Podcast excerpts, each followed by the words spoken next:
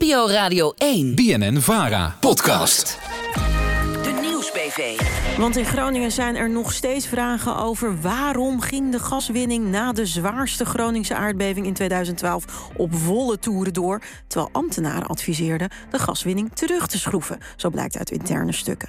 Nou, over die stukken ga ik praten met onze politieke journalisten Joost Bekendam en Anna Plezier. Goedemiddag, jongens. Hoi. Goedemiddag. Anna, eh, voordat we naar die stukken gaan, eh, 2012 is al een tijdje terug. Eh, waarom was dat een belangrijk moment? Nou, toen was de aardbeving in Huizingen en dat was in 2012. En dat was eigenlijk het moment dat dat hele gasdossier begon. Dus laten we even luisteren naar wat er toen gebeurde. Het was alsof er een trein onder je huis doorkwam.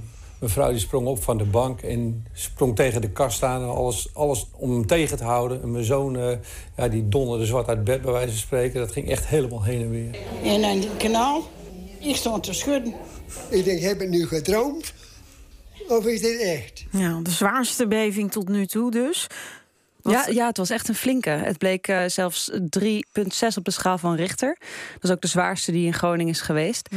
En eh, ja, de beving zorgt voor een record aantal schademeldingen in korte tijd. Zo'n eh, ja, 1600, ligt een beetje aan welke cijfers je bekijkt. Maar ja, het, het was natuurlijk echt heel heftig. Ja, en stond toen ook al vast dat dit kwam door de gaswinning?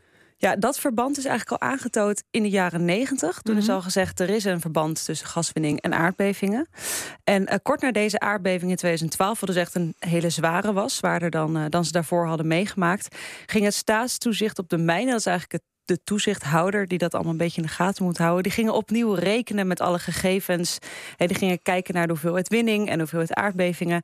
En zij zagen ook een heel direct verband tussen de hoeveelheid gewonnen gas, de snelheid van die winning en dus wat voor invloed dat heeft op de heftigheid van de bevingen. En zij concludeerden eigenlijk hoe meer gaswinning, hoe groter de kans op bevingen.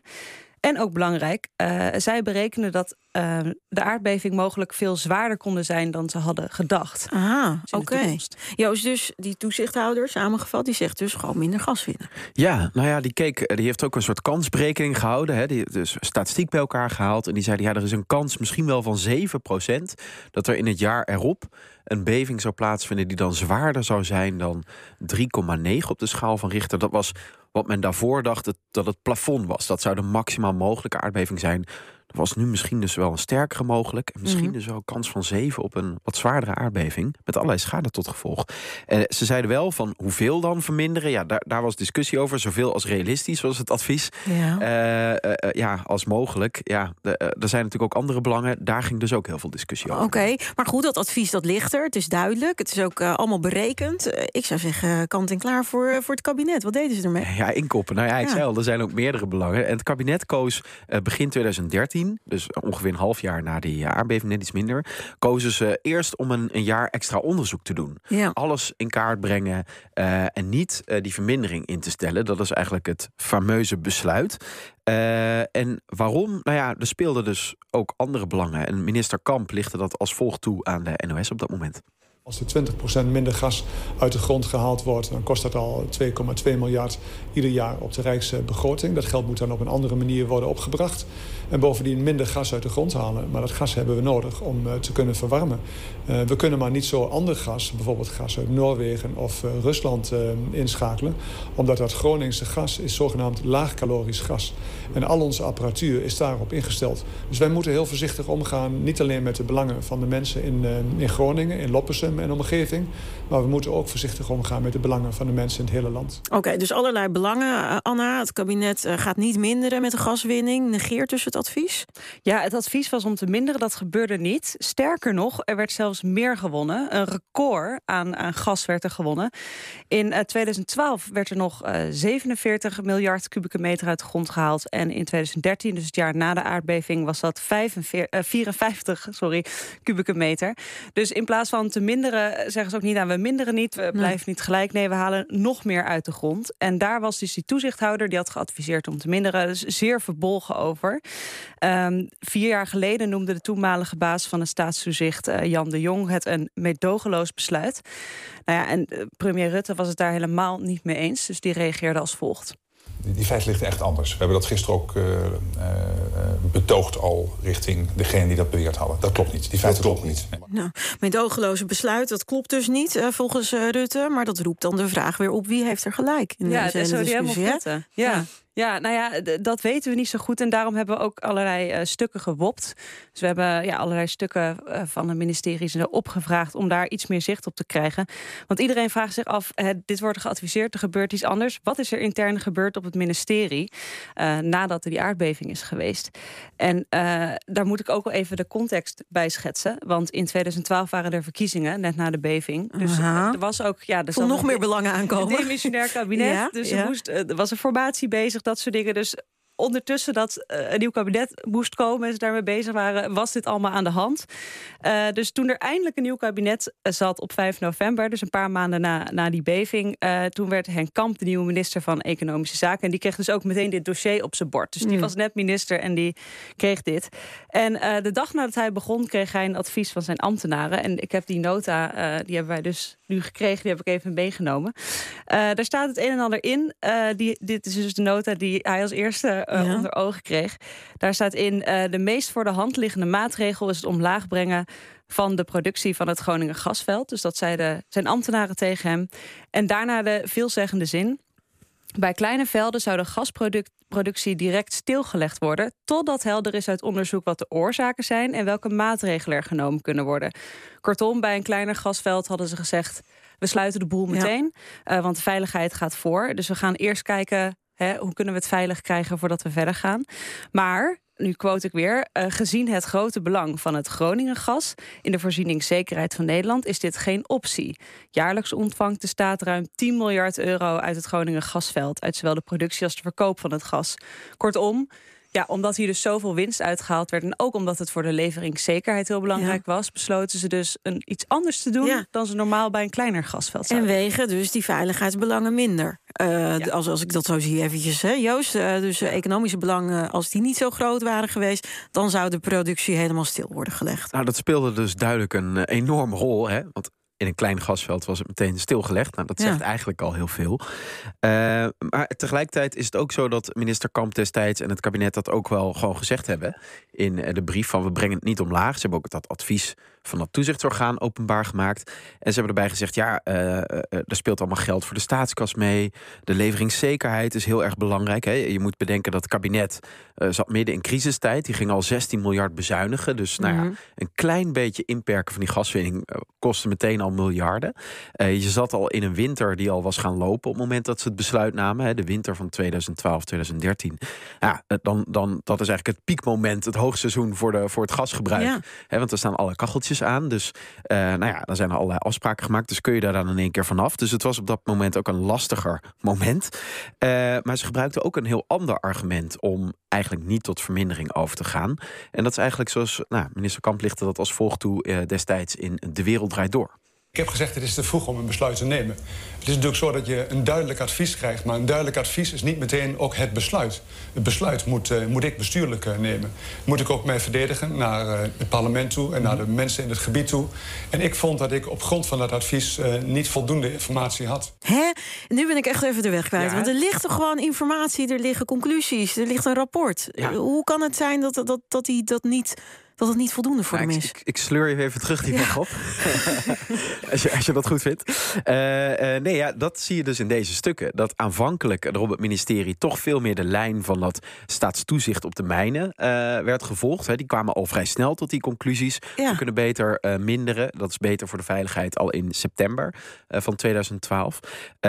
ambtenaren dachten dat dus ook. Van nou, dat ligt dus voor de hand. Mm -hmm. Als je iets aan die schade wil doen en dat zo min mogelijk wil, zo meer, goed mogelijk wil ja, beperken. allemaal berekend. Uh, maar goed, uh, daarna uh, zie je in die stukken kwam er een hele discussie op gang. Want de NAM, die natuurlijk, waar dit staat ook voor een deel in zit, die verdienen natuurlijk een hoop geld mee. En die mhm. was er absoluut op tegen.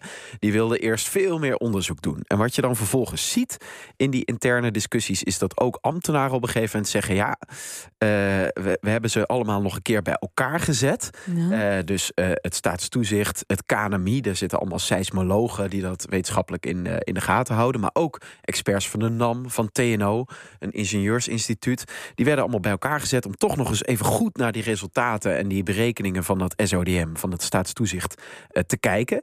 En uh, dan lees je volgens dat ambtenaren zeggen: ja, SODM hield voet bij stuk, ziet geen reden om zijn conclusies te veranderen. Mm -hmm. Die zijn van mening dat er eigenlijk geen voldoende gaten zijn eh, geschoten Ja. in een belangrijke bevindingen. bewijs maar het tegendeel, maar dat kun je niet. Maar dus dat we blijven niet. Dus, hierbij. dus die Ah. relatie die ligt er. Dus het, het is inderdaad onveilig om. Ja. Hè, je zorgt voor meer risico als je meer gaat winnen. Dus je moet iets gaan beperken. Mhm. Eh, en de vraag is dan wat. En eh, dan zeggen de ambtenaren, ja, gezien het grote belang. Eh, raden we toch aan om een soort second opinion toe te laten passen door het KNMI. Dus de seismologen van het KNMI die moeten dan toch nog eens opnieuw gaan kijken. Nog een keer naar die som Dus je kijken. ziet continu wordt er opnieuw gekeken Ja. en toch een second opinion. En nou, een paar weken geleden had NRC samen met Dagblad van het Noorden ook een verhaal waarin zij interne documenten van de, van de NAM-organisatie, zou je kunnen zeggen, in, hadden, hadden, eh, in handen hadden. Waaruit ook bleek dat ze nou ja, ook met workshops, met al dat soort bijeenkomsten, toch probeerden iets van die stellige bewoordingen van dat SODM en adviezen af te schaven. Dus als je dan eh, uiteindelijk kijkt aan het eind, lag er dus een heel duidelijk eh, advies van SODM. Mhm. Eh, Daar is vervolgens door anderen twijfel over gezaaid. De vraag is hoe terecht was dat? Nou, dat zal van die enquête zijn. Maar grosso modo kwam het op het eind uit met... Ja, jammer dat de experts het niet eens zijn. Eh, dus er is niet een eenduidig advies. Dat was in ieder geval wat de minister concludeerde. Allemaal ruis, allemaal met z'n allen in dat kamertje, maar naar die som kijken, naar de conclusies. Anna, het, is, het lijkt een soort van onnodig ingewikkeld eh, te zijn gemaakt, weet ik niet. Dat inderdaad, wat Joost ook zegt, dat moet uiteindelijk uit die enquête blijken. Maar, maar waarom waren al die instanties het niet met elkaar eens dan? Nou ja, het KNMI, de NAM en het SODM, dat waren dan even heel kort de instanties waar het over ging. Die Mhm. waren het wel eens over het feit dat er een verband was tussen aardbeving en gaswinning. En ook dat die aardbevingen zwaarder konden zijn. Maar ze waren het oneens over of die gaskaan dan wel of niet dichtgedraaid moest worden. En daar zit natuurlijk de kern. Ehm, en waarom ze daar dus over, over oneens waren en waarom ze daar niet uitkwamen. Nou goed, wat Joost al zei, dat is een hele interessante vraag voor de enquêtecommissie. Maar wat dus heel erg blijft hangen is, was het nou echt nodig om een jaar lang onderzoek te doen Mhm. voordat je die gaskraan eh, ja, verder dichtdraait? Sterker nog, moet je dan extra gaan winnen? Ja, en dat, dat blijft natuurlijk heel erg wringen. Vooral als het over die eerste twee punten wel eens zijn en puur alleen alleen niet Ja. over het wel dat niet terugdraaien van die gaswinning. Ja, Joost, eh, als ik dat zo allemaal bekijk, dat was gewoon eh, een manier om tijd te winnen, toch? Zodat ze in de tussentijd gewoon lekker door konden gaan met die gaswinning. Nou ja, het, het draait hem eigenlijk om de speel van ja, neem je het zekere voor het onzekere, de voorzorg. Hè, dat, dus wacht je alle onderzoeken af, eh, eh, waar staatstoezicht trouwens op dat moment ook niet tegen was. Wacht je dat allemaal af Ja. voordat je gaat verminderen? Of zeg je eerst, nou, we, voor de zekerheid, hè, we hebben sterke aanwijzingen dat het gevaarlijk is uit die statistische analyse. Dus voor de zekerheid leggen we, beperken we het iets wat. Mhm. Eh, en, dan, en, en dan wachten we het onderzoek af. Eh, dat had je ook kunnen zeggen. Nou, daar is dus niet voor gekozen. Logischer gezien, misschien ook door al die belangen. Maar wat je dus ook ziet, is dat er ja, mensen van Shell komen op bezoek. Eh, er lopen Er wordt gelobbyd er dus in de tussentijd. er wordt gelobbyd. Er zijn allerlei bijeenkomsten, ook op dat ministerie. De NAM is absoluut niet van zin op dat moment om, om iets aan die beperking te doen. En op basis van welk inhoudelijk argument nou uiteindelijk besloten is om niet door te, of eh, niet een beperking op te leggen. Dat is denk ik echt een, een, een, hele interessante vraag waar we het antwoord pas echt gaan leren over een paar weken als die enquête begint.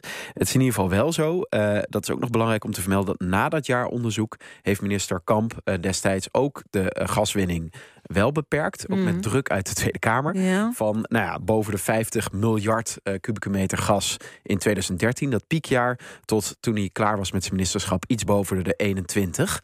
Eh, dus meer dan gehalveerd. Dat heeft hij wel gedaan. Wel Maar een flinke tijd. eh, Nou, een paar jaar. Maar goed, gezien de grote belang. Lang Maar hij was dus zelf te houden, ja. hij was dus zelf een jaartje geleden, zei hij nog... nou ja, toen werd hij gecomplimenteerd bij WNL op zondag... over zijn krachtdadig ministerschap. En toen Mhm. zei hij nou, wacht nog even met het oordeel over mijn ministerschap... tot die enquête klaar is. Dus daar spreekt iets van twijfel uit.